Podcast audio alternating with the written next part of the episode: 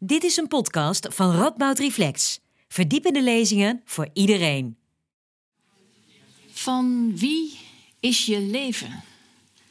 Dat was de ondertitel van het programma van vanavond. En het lijkt misschien in eerste opzicht een retorische vraag, want ja, de, het leven is natuurlijk toch van jezelf. En we worden ook heel erg, het wordt ons heel erg voorgeleefd dat je leven iets is wat je zelf in de hand hebt, waar je zelf vorm aan geeft. Maar soms gaat het leven niet zoals je dat zelf had gekozen. Soms komen er dingen op je pad. Het kunnen mooie dingen zijn, het kunnen negatieve dingen zijn. En daar heb je dan maar mee te dealen op een bepaalde manier. En hoe doen we dat? En wat bepaalt überhaupt eh, welke stappen we zetten, op welk pad we gaan, welke acties we ondernemen? Dit zijn vragen die niet alleen maar in onze tijd heel belangrijk zijn, maar die ook al in het eeuwenoude Bijbelverhaal over Jona en de walvis, wil ik zeggen, zo heet het boek natuurlijk helemaal niet, maar over Jona ook al een rol spelen. En omdat het zulke belangrijke vragen zijn, gaan we het daar vanavond over hebben. En dat doe ik met twee sprekers van de Radboud Universiteit. En ik ben heel blij dat ze er zijn. Harold Bekkering en Annemarieke van der Woude. En Harold Bekkering is psycholoog en verbonden uh, naast de universiteit ook aan het Donders Instituut. En hij doet onderzoek naar hoe mensen leren. En dat doet hij vanuit inzichten uit eh, de neurowetenschappen, de psychologie, de robotica en kunstmatige intelligentie. En vanavond gaat hij in zijn lezing inzoomen op de zelfbeschikkingstheorie. Wat zijn de factoren die onze motivatie voor ons handelen bepalen? Annemarieke van der Woude is theoloog en gespecialiseerd in het Oude Testament. En in haar onderzoek kijkt ze naar heiligheid in het alledaagse leven en in de Bijbel. En vandaag gaat ze aan de hand van het verhaal van Jona kijken naar de vraagtekens die er misschien wel te plaatsen zijn bij onze vanzelfsprekendheid op het gebied van autonomie. De, vanzelfsprekendheid waarmee wij denken over onszelf als autonome wezens. Van harte welkom. Leuk dat jullie er zijn. Mijn naam is Lisbeth Jansen, ik ben programmamaker bij Radboud Reflex en vanavond ook de gespreksleider. De opzet van de avond uh, die is eigenlijk vrij simpel. Zo dadelijk geven de twee sprekers eerst allebei een korte lezing van 20 minuten. Eerst Annemarieke en daarna Harold. Vervolgens ga ik met hen in gesprek en natuurlijk is er ook ruimte voor jullie eigen vragen. Om ieders geheugen even op te frissen ga ik zo dadelijk het grootste stuk van uh, Jona en de walvis nog even voorlezen. Maar voor ik daaraan begin, want mijn eerste idee is dat we met een vrij heterogene groep zijn. Ik ben eigenlijk heel benieuwd. U hoeft alleen maar uw hand op te steken, u hoeft niks uit te leggen. Ik ga niemand iets vragen en ieder antwoord is goed. Ik ben heel benieuwd wie van jullie zegt dat verhaal van Jona en de walvis. Ja, ik heb wel zo'n vaag vermoeden. Ik, ken het wel ik heb er wel eens van gehoord, maar ik weet eigenlijk niet precies hoe het gaat, dat verhaal. Wie, wie zou dat over zichzelf zeggen? Best een groot deel. Ongeveer nou ja, een derde tot, een, tot de helft. Wie zou zeggen, ik ken dat verhaal eigenlijk best goed en als je me dat zou vragen, ik doe het niet, kan ik dat best wel vertellen hoe dat gaat? Ja, dat ook nog wat aantal mensen. En wie zou zeggen, nou, ik zit hier om hele andere redenen, ik heb echt nog nooit van Jona en de walvis gehoord. Ook nog een paar mensen, superleuk. Nou, heel goed. En, ja, dat had ik het dus goed ingeschat, een hele diverse groep. Misschien komen we daar straks nog wel even op terug. Maar nu dus eerst het verhaal. Het woord van de Heer werd gericht tot Jona. Sta op, ga naar Nineveh, de grote stad, en zeg haar dat hun verdorvenheid is doorgedrongen tot mij. En Jona stond op om naar Tarsis te vluchten, weg van de Heer. Hij ging naar Javo en hij trof een schip aan dat naar Tarsis ging. Hij betaalde voor de overtocht en ging aan boord om mee te varen naar Tarsis, weg van de Heer. Maar de Heer smeet hevige wind op de zee en er brak zo'n hevige storm los dat het schip dreigde te breken. De zeelieden werden bang en ieder van hen riep zijn eigen God aan. Om het schip lichter te maken gooiden ze de lading in zee. Jona echter was afgedaald tot in het diepst van het ruim en was daar gaan liggen en in een diepe slaap gevallen. De kapitein kwam naar hem toe en zei tegen hem: Hoe kunt u zo diep slapen? Sta op en bid tot uw God. Dan denkt die God misschien aan ons en gaan we niet te gronden. De mannen zeiden tegen elkaar: Kom, we moeten het lot werpen om te zien aan wie het ligt dat deze ramp ons treft. Ze wierpen het lot en het lot viel op Jona. Ze vroegen hem: Wat moeten we met u doen om door de zee met rust gelaten te worden? De zee werd namelijk steeds stormachtiger. Hij antwoordde: Neem mij maar op en smijt me in zee. Dan zal de zee u met rust laten. Ik weet dat het aan mij ligt, dat deze hevige storm u heeft getroffen. De mannen deden nog een poging om terug te roeien naar het land, maar ze slaagden daar niet in omdat de zee om hen heen steeds stormachtiger werd. Daarom riepen ze tot de Heer: Ach Heer, laat ons niet te gronden gaan wanneer we deze man om het leven brengen.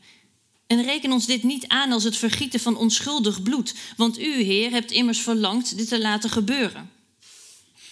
Toen namen ze Jona op en smeten hem in zee, en de woede van de zee bedaarde.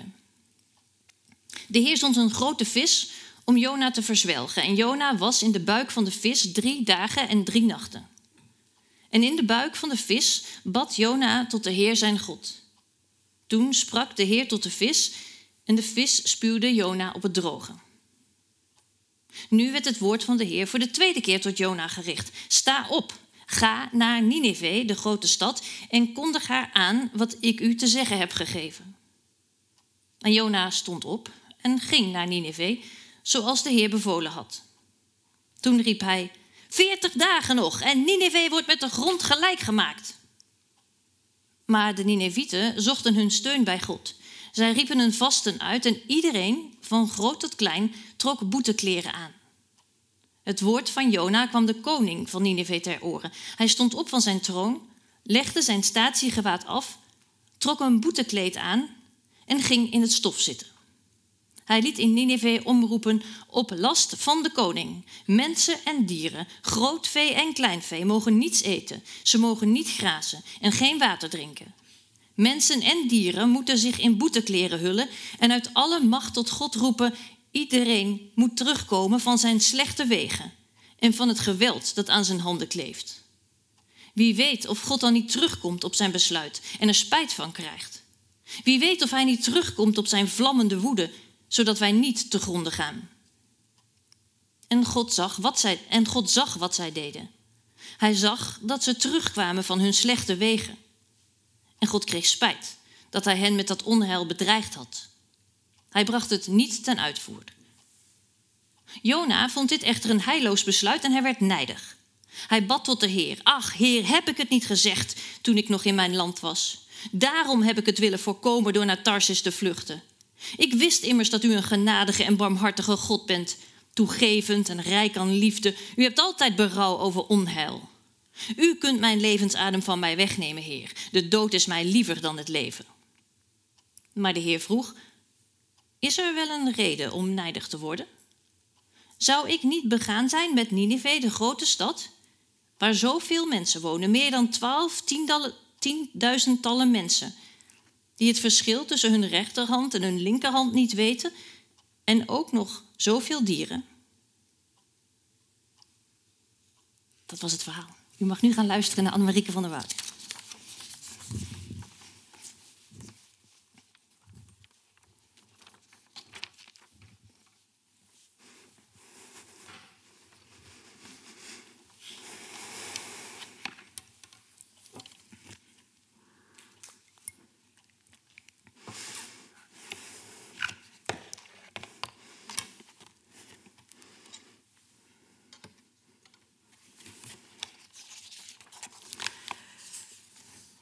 Dames en heren.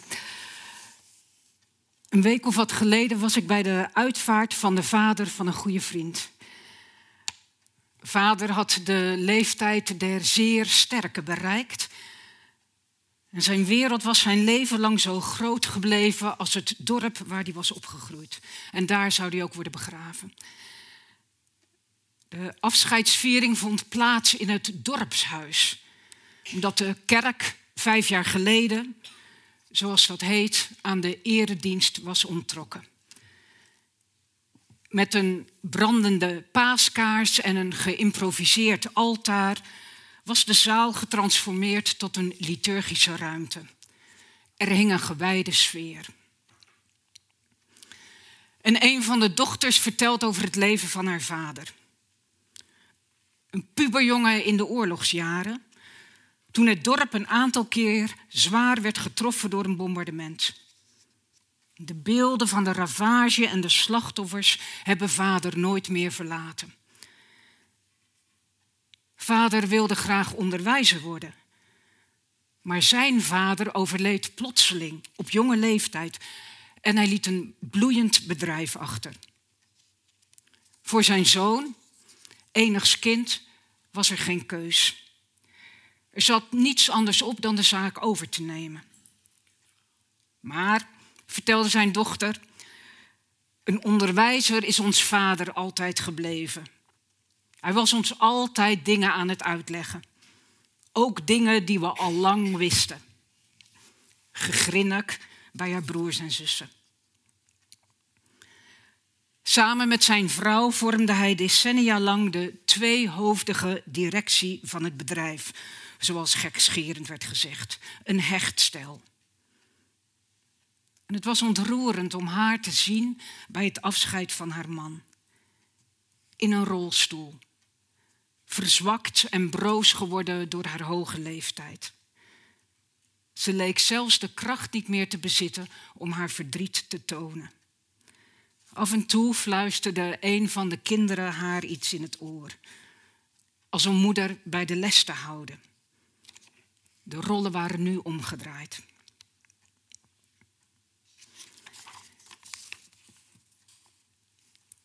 Van wie is je leven? Van wie was het leven van deze vader? Van hemzelf? Of is het hem afgepakt omdat hij niet autonoom heeft kunnen kiezen voor een bestaan als onderwijzer? En zich moest voegen naar wat zijn omgeving van hem vroeg? Heeft hij nu andermans leven geleid, niet zijn eigen? We stuiten ongemerkt op een reeks filosofische vragen. Want wat is eigen in dit verband? Wat is het zelf? En van wie was Jona's leven? Van God, omdat hij Jona op weg stuurt naar Nineveh? Van hemzelf? En wie was Jona dan? Wat is dat verhaal van Jona eigenlijk voor een verhaal? Een historisch verslag over wat er met de inwoners van Nineveh is gebeurd zoveel eeuwen geleden, dat is het in ieder geval niet. Daar zijn Bijbelwetenschappers het wel over eens. Er is nog één andere plaats in de Bijbel waar Jona wordt genoemd. Daar treedt hij op als profeet in de tijd van koning Jerobeam II van Israël, in de achtste eeuw voor het begin van onze jaartelling. Maar dat onze Jona met die Jona in verband wordt gebracht, dat is louter fictief. Niet historisch dus, maar wat dan wel? Een satire, een novelle, een fabel. Daar zijn bijbelwetenschappers het dan weer niet over eens.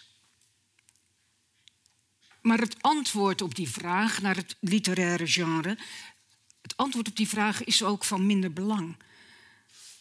Waar het om gaat is dat het verhaal van Jona aan betekenis wint als je het leest als literatuur. Dat wil zeggen, als een tekst die met literaire middelen iets wil betogen.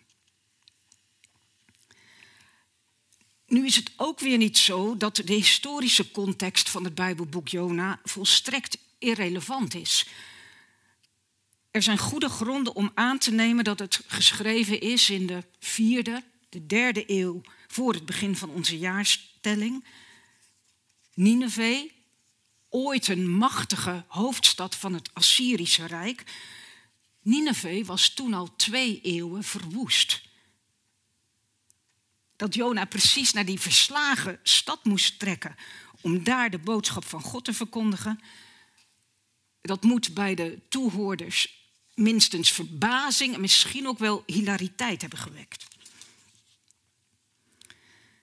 Het Bijbelboek is ontstaan in een tijd dat de Joodse gemeenschap zichzelf opnieuw moest uitvinden. Na terugkeer uit 50 jaar ballingschap in Babel. In die periode van wederopbouw gingen er stemmen op om de eigen identiteit te benadrukken, zich te ontdoen van alles wat als vreemd werd beschouwd. Een verrassend actueel thema dus. In het verhaal treedt Jona op als een anti-held. Hij doet precies het tegenovergestelde van wat je van deze man Gods zou mogen verwachten.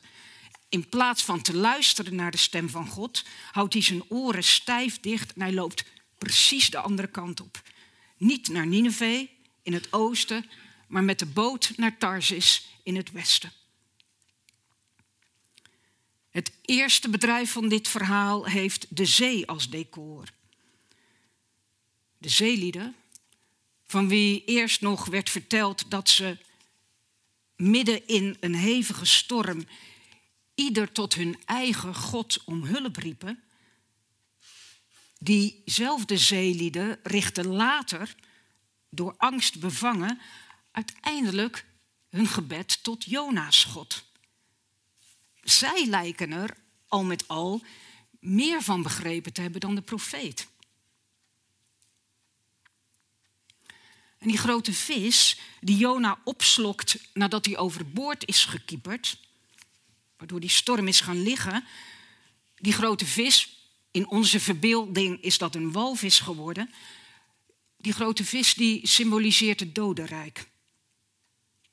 Op de bodem van zijn bestaan bidt Jona tot zijn Heer. Erg oprecht klinkt dat niet. Zij, die armzalige goden vereren, zij verlaten u, trouwe God, maar ik, ik zal mijn stem in dank verheffen. Nou, daar hadden we tot nu toe anders weinig van gemerkt. Het is precies andersom, zei ik al. De zeelieden met hun zogenaamd armzalige goden, die stelden juist hun vertrouwen op God, terwijl Jona zich doof hield.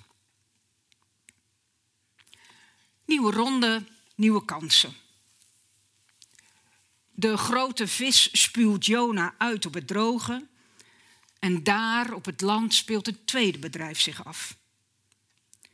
Jona gaat alsnog naar Nineveh om de inwoners te waarschuwen voor hun ondergang als ze hun gedrag niet veranderen.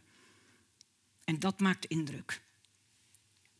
Iedereen, van hoog tot laag, ja zelfs de dieren, ze komen allemaal tot inkeer. En de Assyrische koning verkondigt, alsof hij een collega-profeet van Jona is, die koning verkondigt, laat iedereen anders gaan leven, breken met het onrecht dat hij doet.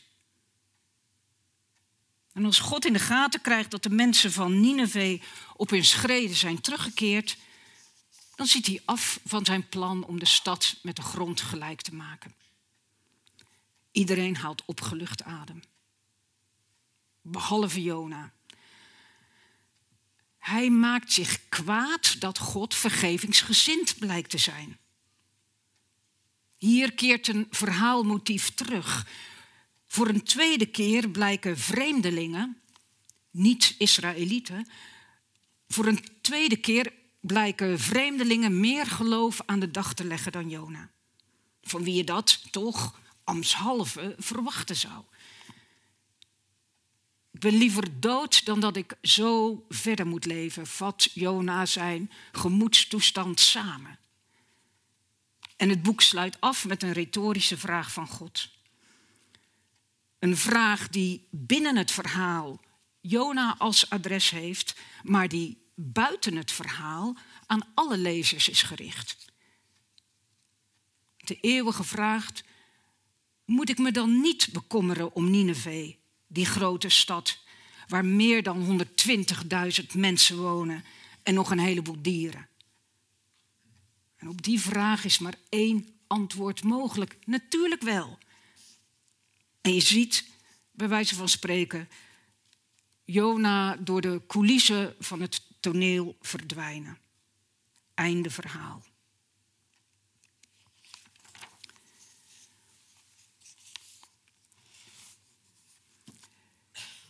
In de Joodse traditie wordt Jona gelezen op Yom Kippur, Grote Verzoendag. De dag waarop ieder jaar opnieuw elk mens de kans krijgt om tot inkeer te komen en opnieuw te beginnen. Jona betekent duif. Zijn naam, ik wijs naar de duif daar op het plaatje, zijn naam roept een associatie op met de duif bij de ark van Noach. Want als het dier in dat verhaal terugkeert met een olijftak in zijn bek, dan weet Noach dat de vloed is weggetrokken, de aarde weer bewoonbaar is. Maar Jona doet in dit verhaal zijn naam vredesduif niet bepaald eer aan. In plaats van vrede te brengen, ontsteekt hij in woede. Het verhaal morrelt aan bestaande opvattingen. De zeelieden, de mensen en de dieren in Nineveh, zelfs de koning van die stad, allemaal zogenaamde buitenlanders, zij bekeren zich. Nu Jona nog. Maar waarvan moet Jona zich dan bekeren? Ik zeg het maar heel gewoon. Van de gedachte dat hij God in zijn broekzak heeft, voor zichzelf kan houden. De eeuwige is geen particulier bezit die een bepaalde groep zich kan toe-eigenen. Hij bekommert zich om ieder mens die de ander recht wil doen die zich inspant om onrecht te bestrijden. Je afkomst doet er dan niet toe. In Jona's tijd, waarin een felle identiteitspolitiek woedde, is dat niet minder dan een revolutionaire boodschap.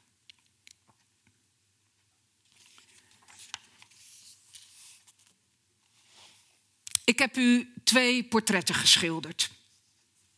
Van de oude vader van een goede vriend van de Bijbelse Jona. Die vader, hij bewoog mee met wat het leven hem bracht. Heeft daarin zijn bestemming gevonden. Zijn autonomie heeft in de loop van zijn leven het karakter gekregen van een heteronomie. Het leven van de verhaalfiguur Jona verliep anders. Hij verzette zich keer op keer tegen wat er op zijn pad kwam. Tegen de roep om naar Nineveh te gaan. Tegen het feit dat God van gedachten veranderde en uiteindelijk Nineveh spaarde. Dat is trouwens ook een interessant gegeven. Ook God bekeert zich in dit verhaal. Van een wrekende in een liefdevolle God. Jona's geschiedenis laat zien, zou ik zeggen, zijn geschiedenis laat zien hoe benauwd het kan worden als je denkt dat je leven van jezelf is. Als je alleen je eigen spoor wilt volgen. Mijn antwoord op de vraag van wie je leven is luidt dan ook, denkend aan de levensloop van deze twee mannen, je leven, dat is van anderen. Dank u wel voor uw aandacht.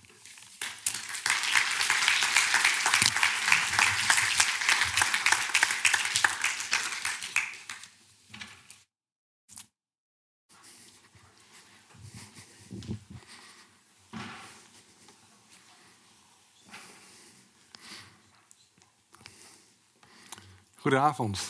Dankjewel Annemarieke voor deze mooie toelichting van het verhaal. Toen ik de, de vraag kreeg of ik ook eh, mee wilde doen aan deze avond, had ik eigenlijk al ja gezegd voordat ik er goed over nagedacht had wat ik eigenlijk zou gaan doen. En dan ga je altijd nadenken, waarom heb je nou ja gezegd? En dat heeft te maken met mijn achtergrond. Ik ben gereformeerd opgevoed. En een van de eerste verhalen waar ik echt over nagedacht heb, was Jona en de walvis. Ik zie me nog, ik denk dat ik een jaar of zes was. En rond die tijd kan ik me nog twee herinneringen hebben die denk ik het zaadje voor mijn wetenschappelijke bestaan van nu hebben gezet. En de eerste was, we waren toen op vakantie in Oostenrijk.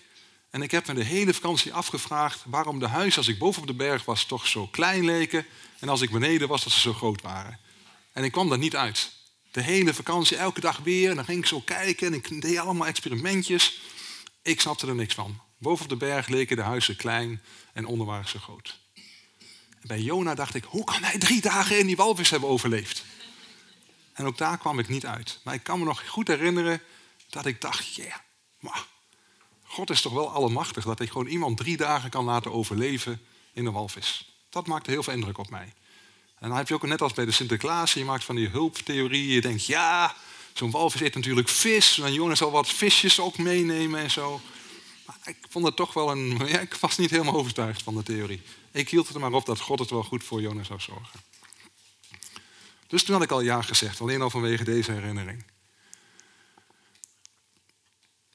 Ik denk, dat vond ik ook wel heel mooi om toch eens na te denken van religie. En waarom hebben we dat? En waarom, zijn, waarom is dat zo belangrijk voor veel van ons?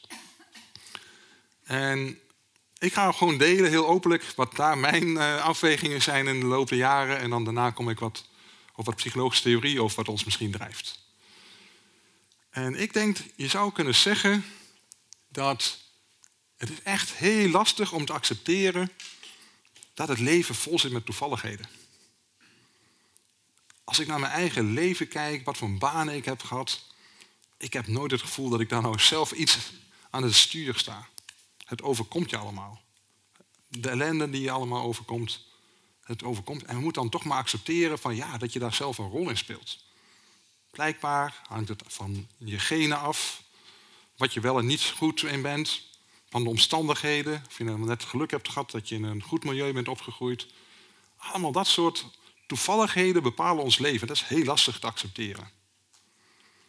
En dan is nog iets wat nog veel moeilijker te accepteren is. We gaan allemaal dood. Hoe kunnen we nou zingeving aan ons leven geven als we weten dat we allemaal doodgaan? En in de psychologie noemen we dat de terror management theorie. Die terror management theorie zegt eigenlijk de grootste drijfveer van al ons handelen is dat we weten dat we doodgaan en hoe gaan we daar nou mee om? We moeten op zoek naar zingeving. En die zingeving kan uit jezelf komen, volgens de theorie, of uit de cultuur waar je in bevindt. En ik denk dat religie is een heel belangrijk onderdeel van de cultuur. Of je nu wel of niet gelovig bent, wij leven in een christelijke cultuur. Een groot gedeelte van onze normen en waarden wordt bepaald door de christelijke cultuur. En als we het gevoel hebben dat we daaraan bijdragen, dan wordt het iets makkelijker om te accepteren dat we allemaal doodgaan. Want we dragen toch bij aan die cultuur. Al dus de terror management theorie van de psychologie. Zelf, toen ik een puber was, dacht ik, ja, alles mooi en aardig met die religie. Ik moet nog erbij zeggen, mijn vader was ouderling in de gereformeerde kerk in Oldenzaal. Ik was de enige familielid die twee, de tweede keer vrijwillig meeging naar de kerk. S ochtends moesten we allemaal mee. Maar toen ik nog jong was, ik was echt gefascineerd door die verhalen. Vooral het Oude Testament, ik vond het prachtige verhalen. Dus ik ging vrijwillig mee. Dat wat door mijn broers niet in dank afgenomen, kan ik wel zeggen. Want die, dat was toch een beetje zo, hè, wit voetje halen. Ik weet niet of dat ook nog een rol speelde waarom ik meeging. Maar ik vond het echt mooi. Maar toen werd ik wat ouder, in de puberteit, toen dacht ik, ja, allemaal mooi en aardig, maar eigenlijk wil ik wel zelf mijn koers gaan varen. En heel veel dingen mochten niet in de gereformeerde kerk. En vaak wordt er wel gezegd, de kerk is wat paternalistisch. En paternalistisch wil zeggen dat iemand jou, als ware als jij nog steeds een kind bent, nou, dan wil je natuurlijk als puber al helemaal niet zien worden dat je nog een kind bent, maar iemand anders die beschikt wat er wel en niet mag. En dat was heel sterk bij ons in de kerk. Je mocht niet op zondag naar het voetballen kijken. Dat was gewoon een regel, mochten we niet. Ik dacht, ja, hoezo mag je nou niet op zondag naar voetballen kijken? Dat soort dingetjes had ik steeds meer moeite mee. En, dan hou ik ook op over mijn eigen eh, religieuze bestomming. Er was toen een enorme hongersnood in de Sahellanden. Dat was weer zoiets dat ik denk, ja, hoe, hebben we nou, hoe kan het zijn dat wij zo'n hongersnood hebben? En je mag wel niet op zondag naar de kerk. En dan gaan wel miljoenen mensen daar dood. En ik moet het allemaal accepteren dat iemand anders dan mijn leven bepaalt. En die combinatie maakt het voor mij moeilijk om daarvoor te kiezen. Om te zeggen, ja, iemand anders bepaalt waarom ik hier ben.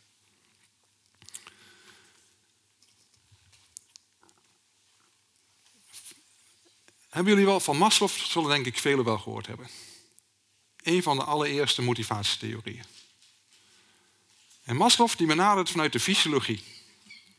Dus Maslow zegt van oké, van wie is je leven? Vooral van je lichaam.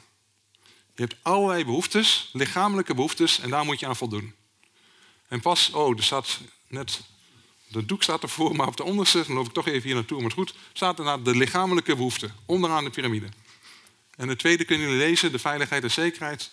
Maar het begint met lichamelijke behoeften. Maslow heeft daar heel veel mee bezig. Hij gebruikt dan het woord homeostasis.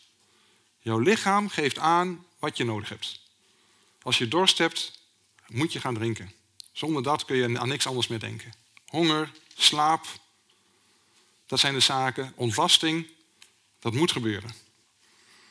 En pas als dat voldaan is, kun je naar een volgende stadium bij Maslow in de piramide, kun je naar veiligheid gaan.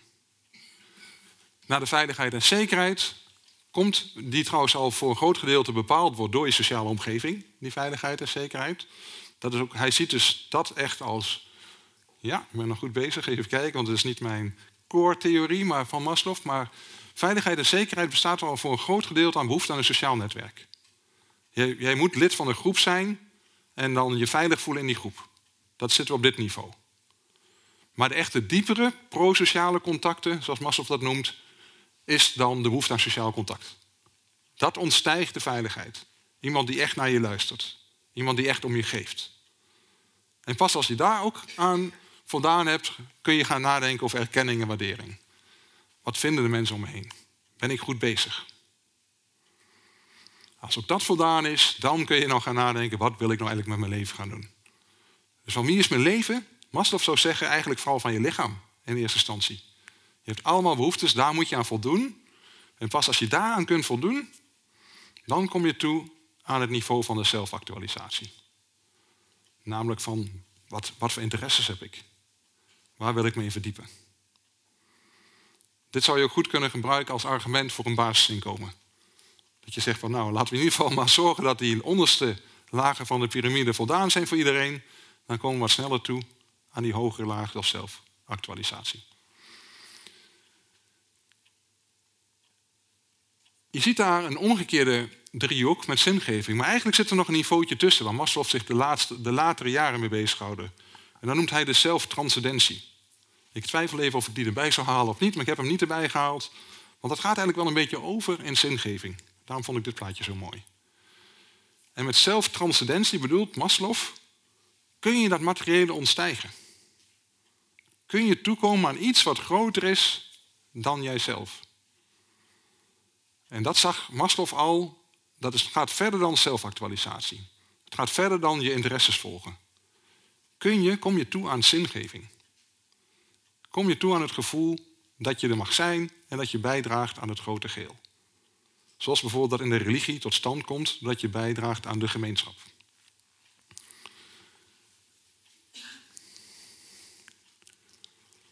Lisbeth zei al, in onze groep doen we heel veel onderzoek naar de zelfdeterminatietheorie. En dat zien we altijd als iets individueels. En wat ik nou mooi vond voor vandaag, is om te kijken of we dat ook op het niveau van het culturele kunnen, over kunnen nadenken. Maar ik zal eerst even beginnen vanuit de psychologie. En de psychologie gaat in principe over één individu.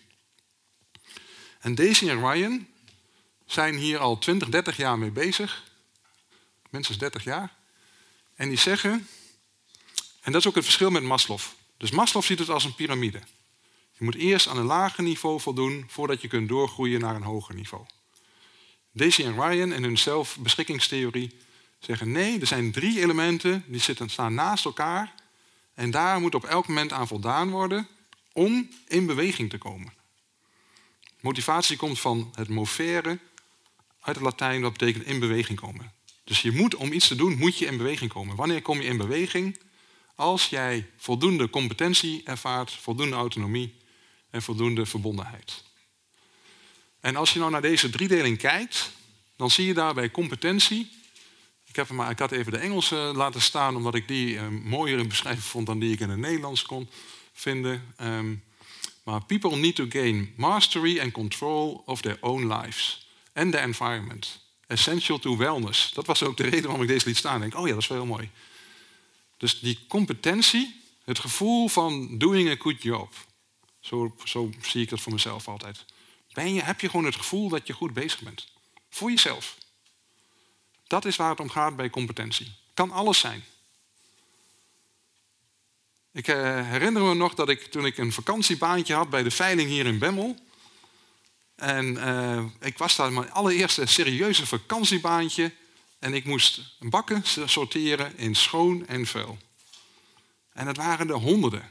En ik ging als een idioot keer. Ik dacht, oh, dat is belangrijk. Want die bakken moeten weer gevuld worden met groenten. En we moeten zorgen dat daar schone bakken voor zijn. En ik was goed bezig en ik zag die rij slinken en ik voelde me echt competent. Ik dacht, oh, ik ben echt goed bezig. Tot ik om vijf voor vijf de volgende rij voor mijn neus kreeg. Ik had daar de hele dag gewerkt. Ik denk, ik ben goed bezig. Die veiling die is gebaat met mijn harde werken. En toen besefte ik, oh, oh, oh. Je kunt zo hard werken als je wil. Er gaan hier zoveel bakken om. Mijn bijdrage doet er niet toe. Dus het switchte van dat ik gevoel had van ik ben competent bezig. Ik ben die bakken aan het sorteren. Schone bakken, vuile bakken. Ik draag bij aan de veiling. En tot ik overzag hoeveel bakken er op die veiling rondgingen. En ik dacht, oh jee. Ik had, in één keer was het gevoel van doing a good job was weg. Dus die competentie, het gaat er maar om, heb jij het gevoel dat je goed bezig bent? Dat kan met alles zijn. Dus voor de afwas is heerlijk, want als je dat gedaan hebt, vind ik zelf nog steeds, is het aanrecht schoon. Dat het dan de dag daarna weer vies is, prima, maar voor dat moment is het schoon. Prima, fijn. Heeft toch altijd een goed gevoel. Maar niet als je dan net klaar bent en er staan alweer duizenden nieuwe bakken. Dat is, dat is, dat is met afwas ook. Stel je voor, je hebt net die afwas gedaan en dan komt meteen... Dat heb je trouwens in studentenhuis heel vaak. En meteen komt iemand daar zijn vuile afwas in. Dat is echt niet goed. Autonomie. People need to feel in control of their own life, behaviors and goals. This is about choice. Het feit dat je keuzes hebt, dat is een goed gevoel. Ik ben daar veel over aan het nadenken. is ook ons hoofdonderwerp van onderzoek, autonomie. En als we het over leren hebben, we proberen de brug te maken naar het onderwijs en leren, kan ik zeggen, elke keuze draagt bij aan leren. Als je gewoon mag kiezen hoe lang je naar iets kijkt, waar je naar iets kijkt, naar wat je kijkt, alles draagt erbij dat je meer leert over waar je naar kijkt. Je kunt het niet zo klein bedenken of het gevoel van keuze draagt bij aan leren. Er zijn allerlei theorieën over waarom dat is. Het is best lastig, snap we nog niet zo goed. Maar je zou kunnen zeggen, alles wat je zelf doet, heeft een grotere waarde voor je. Heeft meer betekenis. De derde factor is die verbondenheid. People need to experience a sense of belonging and connecting with other people. Connection with other people. Feeling cared for by others and to care for others. Dus die relatedness komt eigenlijk toch wel erop neer dat ja, als je alleen maar iets doet en niemand anders geeft er iets om, dan is het heel moeilijk om het voor jezelf betekenisvol te vinden. dat had ik bijvoorbeeld ook bij die veiling. Als iemand anders nou daar echt had uitgesproken waardering en gezegd, ja, door jou kan die veiling weer verder, Harold, had het heel anders gevoel dan dat iemand komt en weer daar duizend nieuwe bakken in zit. Dus die verbinding, dat je samen voor iets gaat, is heel belangrijk. Ik kom hier zo meteen nog op terug. Maar dit is vanuit de psychologie wat ons drijft. Wanneer komen we in beweging als deze basisbehoeften voldaan worden?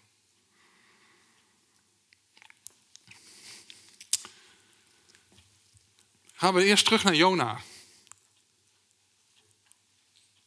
Dit is trouwens Nineveh, ligt in Irak. Dit is nog een plaatje van voordat IS dat helemaal weer vernietigd heeft een uh, aantal jaren geleden. En wat ik zelf toen al dacht als kind, maar nog steeds wel denk van ja, het is ook wel heel mooi. Dus God bepaalt gewoon wat er gaat gebeuren en wat belangrijk is. Dat is dus zeg maar, ja, je hoeft er zelf niet over na te denken, am I doing a good job? Iemand anders bepaalt dat voor je. En ik las het in de voorbereiding van dit stuk, las ik ergens, ja, kijk, wij moeten allemaal in beweging komen en er is één iemand die dat niet hoeft. Die zet anderen in beweging. En zo zou je dat, dat is dan fijn. Hoef je dus niet na te denken van, ja, ga ik nou wel of niet in die walvis? Nee, iemand anders bepaalt of jij daarin komt. Dat zou je kunnen zien als een belangrijke motief om in religieuze gemeenschap te geloven. Iets anders wat bij ons wel heel erg gepredikt werd, is ook wel, ja, als je je best deed, kwam je in de, in de hemel. Dat maakt ook wel veel indruk op mij als kind. Ik denk, ja, je zult later toch maar in de hel terechtkomen. Dat, is, dat klinkt echt niet fijn.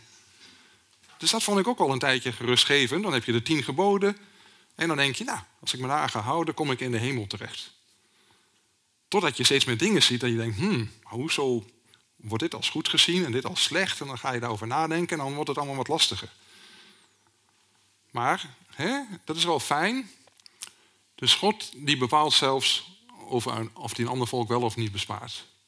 En die Jona die is kleinzielig. Wat Annemarie al zei, die werd zelf boos aan het einde dat God dat volk niet uitroeide. Dat is ook weer een beetje gek.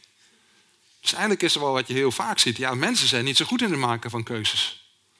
Ik weet niet wie van u denkt van, nou, ik ben echt goed in het maken van keuzes. Dat vind ik, ik vind dat in ieder geval wel lastig. En ik vind dat om me heen ook. Denk je, ja, moet ik weer een keuze maken? Lastig. Dus die kleinzieligheid die we allemaal hebben en die in die verhalen weer spiegeld zijn, maakt het ook dat je denkt, nou, misschien is er wel iemand anders die dat beter kan. En dan zat ik ook te denken, voor het eerst, van, is dat dan niet bepalend of je wel of niet in een gemeenschap gelooft? Dus als jij lid bent van een gemeenschap, een kerk, en je denkt, nou, die zijn goed bezig. Ik had bijvoorbeeld vroeger zelf, dacht ik altijd, nou, de kerk heeft zendelingen en die gaan naar Afrika toe en die gaan helpen dat die mensen daar. Ik was heel erg geobsedeerd wel door Afrika en die armoede. Ik dacht, dat is wel fijn. Dan gaan we in ieder geval mensen naartoe sturen en die gaan die mensen helpen met hun armoedebestrijding, dacht ik. Dat zendelingen dat zouden gaan doen. Tot ik wat meer ging verdiepen en dat bleek dat ze meer bezig waren met de boodschap aan het overbrengen dan aan de bestrijding. Dat vond ik ook wel heel lastig om te accepteren. Maar dat is wel denk ik heel belangrijk. Dus die competentie zou je naar een andere organisatie. Heb ik op de universiteit bijvoorbeeld ook heel vaak. Zijn er nou competente mensen hier die de gemeenschap bepalen? En als je dat gevoel hebt, dan vind ik het heel fijn. denk, oh, ik hoef er zelf niet over nadenken. We hebben een leider en die is competent. Die zorgt ervoor dat we de goede kant op gaan. Als je niet is, dan vind ik het heel lastig. Dan heb ik gaat meteen eens denk, ja, hm, dan neem ik nog liever zelf ook de autonomie in handen. Dan kan ik zelf beter bepalen wat het is. Maar het is eigenlijk heel fijn als iemand anders jou zegt van, zou je niet deze keuze maken? Als je het gevoel hebt dat, het, dat iemand competent is en het goed met jou voor heeft. Dus ook die verbinding komt vaak samen. En dat vond ik denk ik dat voor het eerst dat ik dacht, oh ja, ik zie het altijd alleen maar op individueel niveau. Maar eigenlijk, en dat is ook een beetje de ontwikkeling die we nou doormaken op de universiteit, dat we meer denken, oh, misschien moeten we het toch meer als een team zien. Dat iedereen nou de eigen keuzes gaat maken. Hoezo hebben we dat eigenlijk altijd zo waardevol gevonden? We zouden veel beter samen keuzes kunnen maken. En dan ook zorgen dat de juiste mensen op de juiste plekken zitten die competent zijn.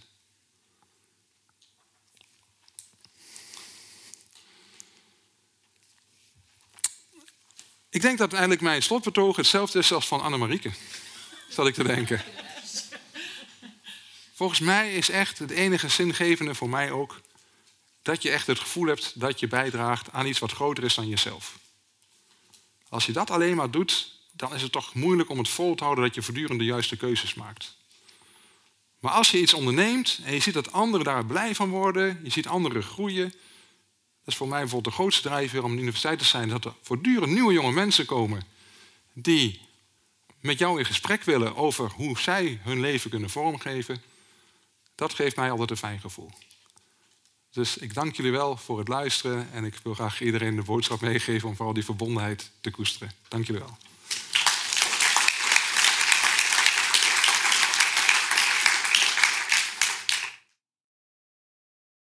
Kom lekker zitten.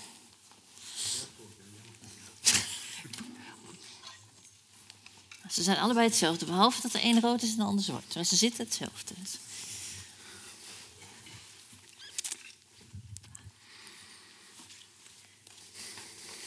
jullie wel. Jullie hebben mooie lezingen gehouden vanuit hetzelfde verhaal, maar hè, met een heel eigen uh, invalshoek. Voordat we daarmee verder de diepte ingaan, was ik eigenlijk benieuwd. Jullie hebben vast allebei ter voorbereiding van, van deze avond het verhaal van Jona nog een keer gelezen. Is jullie iets opgevallen? Was er iets waarvan je dacht: Oh, dat, dat heb ik nog nooit zo gezien? Of dat vind ik nou verschrikkelijk irritant, waarom staat dat daar zo? Of dat vind je juist mooi? Zal ik, zal ik bij jou? Ik zal jou knikken, dus ik begin, begin bij jou. Ja, ik had nooit door dat het eigenlijk dat Nineveh een ander volk was. Dat had ik nooit zo door. Dat dat eigenlijk ook een belangrijk onderdeel is. Dat het dan toch uitmaakt of je nou een boodschap voor je eigen volk hebt of niet. En dat, dat ja, daar heb ik nog niet heel veel over nagedacht, maar dat vond ik wel interessant. Omdat wij in de psychologie altijd heel erg met de, de in-groep en de out-groep bezig zijn. Ja. Ik dacht, ah ja, ik snap er nog niet goed hoe dat hier zit, maar dat ja, vond ik wel interessant. Dat ja, het maakt verschil. Of, je, verschil. of naar, zijn eigen groep gestuurd wordt of naar een, een, andere. Ja. Ik weet niet of jij daar iets over kunt mededelen. Is dat belangrijk of is dat maar gewoon iets wat mij opviel? Nee, dat, dat is volgens mij wezenlijk aan het, uh, aan het verhaal van Jona. Dus uh, om op jouw vraag antwoord te geven, Lisbeth. Voor mij was. Ik ging eigenlijk uh, opnieuw naar het verhaal kijken toen ik me realiseerde wat vanuit de Joodse traditie komt. Dus dat het verhaal wordt gelezen op Grote Verzoendag, Yom Kippur. En dat het eigenlijk een bekeringsverhaal is. En in tweede instantie, dat was een, een tweede nieuw inzicht, dacht ik, oh, dat is eigenlijk interessant. God bekeert zich ook in dit verhaal. Dat is helemaal niet zoals wij gewend zijn om naar God te kijken. Want, nou ja, de, als een, ja hoewel als een, ja, iemand die, nou ja, één identiteit heeft. Maar die bekeert zich dus van zijn voornemen om uh, uh, de stad en haar inwoners te verwoesten naar, nou ja, genadig, hoe staat het er precies, vergevingsgezind te zijn. Dan denk ik, nou, ik ben blij dat deze mensen en de dieren zijn omgekeerd. Ik spaar ze. Is Jona eigenlijk wel omgekeerd? Nee. nee, nee, maar dat, dat, het is echt een anti-verhaal. Ja. Dus hij wordt daar gepresenteerd als profeet. Maar eigenlijk is dus Jona de enige die, althans binnen het verhaal, niet is omgekeerd. En daarom is uh, dat Nineveh, nou ja, een inmiddels verslagen stad van het Assyrische Rijk, dus van een buitenlandse mogelijkheid, dat is wezenlijk voor het verhaal. Dus, en de inwoners van Nineveh, buitenlanders. Eerder die zeelieden, die eerst nog ieder tot hun eigen God baden en uiteindelijk nou ja, hun vertrouwen op de God van Israël, de God van Jona stellen. Dus dat mensen van buiten, dat je bij hen die bekering wel ziet en niet bij Jona, dat, dat maakt ook de kracht van het verhaal uit. Ja, Harold, als jij vanuit de zelfverschikkingstheorie hiernaar kijkt, hè, naar die bekering of niet-bekering van Jona, zeg je dan, ja, natuurlijk bekeert hij zich niet, want dit en dit ontbreekt bijvoorbeeld in die drie, drie factoren? Ja, dat kwam wel dat gevoel van competentie. Van, je moet het gevoel hebben dat de, de autoriteit goed bezig is. Blijkbaar is die autoriteit wispelturig. Ja, dat maakt het moeilijk om erin te vertrouwen. Maar gaat het erom dat je de autoriteit moet vertrouwen of dat je jezelf competent moet vinden? Dat is volgens mij waar ik mee aan het stoeien was. Uh-huh. Dat je juist je eigenlijk overgeeft aan de autoriteit van iemand anders. Ja. En dus daarmee ook je eigen autonomie loslaat. Is dat zo, volgens jou? Ja. Mm, um, ik dacht dat ook trouwens, Harold, toen ik naar jouw verhaal zat te luisteren. Kijk, het beeld dat jij schetst is dat, uh, dat ook gelovig zijn een keuze is. Zoiets als, mm-hmm. nou, weet je, dat kan ik doen, want de gemeenschap levert mij, dat, klinkt niet helemaal goed, maar levert mij in zekere zin voordelen op. Namelijk een mm-hmm. leider die competent is en uh, die de goede beslissingen neemt. En een gemeenschap waarmee ik mij verbonden voel. Maar ik, ik, ik neig om daar heel aarzelend over te zijn. Dus dat, dat, wat, wat is je aarzeling?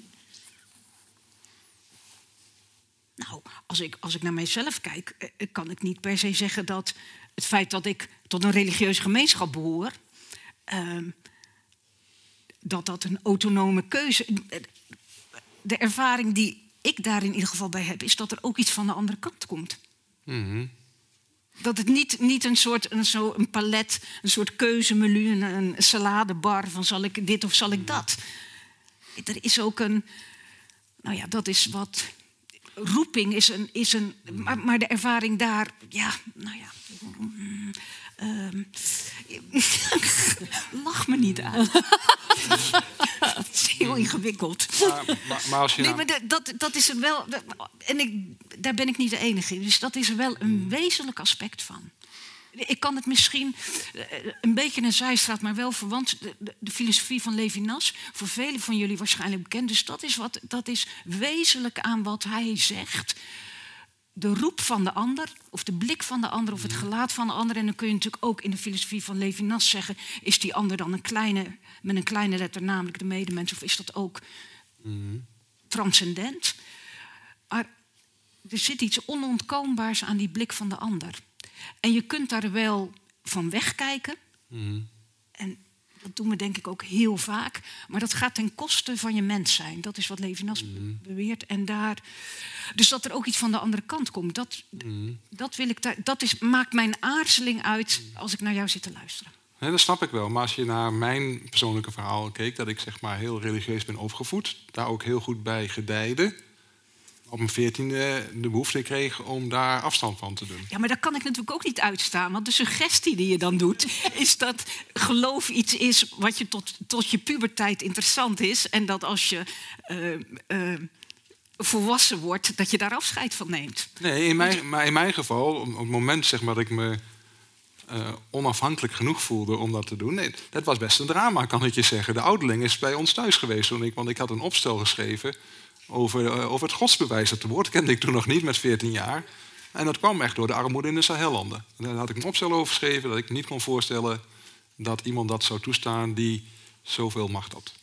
En, en dat, dat was, voor mij was dat echt een, was heel heftig om te doen. Het werd niet in dank afgenomen. Dus de anderen keken naar mij van, wat ben je nou mee bezig, Harold? En je vertelde over dat gereformeerde milieu. Ja. En dat, is, uh, nou ja, dat kan heel streng en dwingend zijn. Nee, dus ja, maar even, even los van de persoonlijke verhalen. Ja, ja, Anders wordt het misschien een beetje ingewikkeld. Ik ben eigenlijk benieuwd hoe jij zeg maar, als psycholoog naar die uh, stelling van Annemarie kijkt. Van ja, maar het is niet alleen maar iets wat je. Hè, de dingen die je doet, dat zijn niet alleen maar. Of in ieder geval als het om geloven gaat. Maar waarschijnlijk gaat het ja, om meer. Dat zijn niet alleen maar keuzes die ik bewust neem.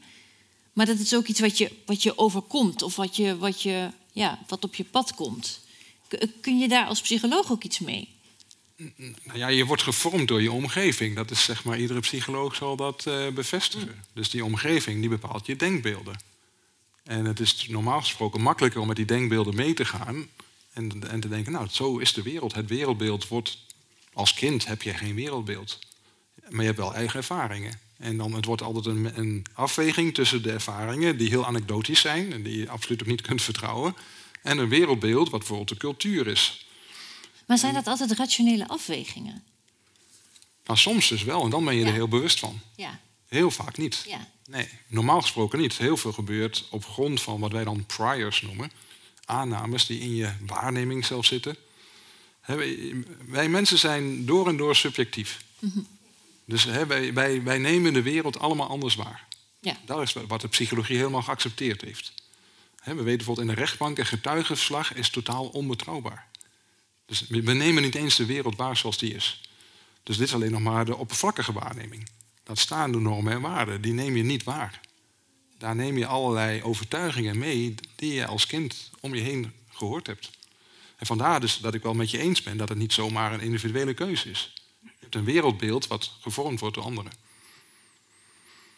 Ja, ja door anderen. En ik, dacht, ik had zelf bedacht, uh, toen ik hier vanmiddag over na zat te denken, dacht ik, oh ja, bijvoorbeeld het idee, ik ga op wereldreis. Ja. Dan, heb je die drie, dan is de vraag natuurlijk, wanneer ga je? Nou, dan kan ik me voorstellen dat je inderdaad gaat als je je competent voelt. Als je denkt, nou, dat, dat krijg ik wel geregeld, hè, die, al die, ja. die tochten, boottochten en, en, vliegen, en vluchten ja. en zo die je moet boeken. Uh, als je denkt, nou, hè, dat is, ik, ik, voel me autonoom ja. genoeg om dit te doen. En dat is leuk, dat is misschien ook, uh, bevestigt ook mijn, mijn eigen kijk op het leven of zo. En dat ik me verbonden voel. Maar waar kwam nou dat idee vandaan? Dus wat is, wat is de andere kant ervan? Hoe kwam ik überhaupt op het idee om op, op wereldreis te gaan? Is dat ook psychologisch te, te duiden? Of in ieder geval past, past dat in, een, in, het, in het model? Nou ja, heel vaak eigenlijk, dat, eh, daar hadden we nog over met een uh, paar vrienden die ook in de zaal zitten. Kijk, Jona is ook een voorbeeld dat je gewoon, eigenlijk weet je wel, je moet gewoon luisteren. He, en na de middelbare school moet je gaan studeren. Dus zo'n wereldreis is een soort uitstelgedrag. Uh -huh. Jona denkt ook, ik ga even die andere kant op, kijken of ik ermee wegkom. Zo'n tussenjaar is vaak ook uitstelgedrag. je weet, ja, het is, je moet toch jezelf onder ogen komen, maar ik stel het nog even uit. Mm. Dus heel vaak, kies je echt voor die wereldreis? Ja, soms wel. Maar ook heel vaak is het uitstelgedrag van iets onvermijdelijks. Mm. Iets waar je misschien niet per se zin in hebt. Ja. ja.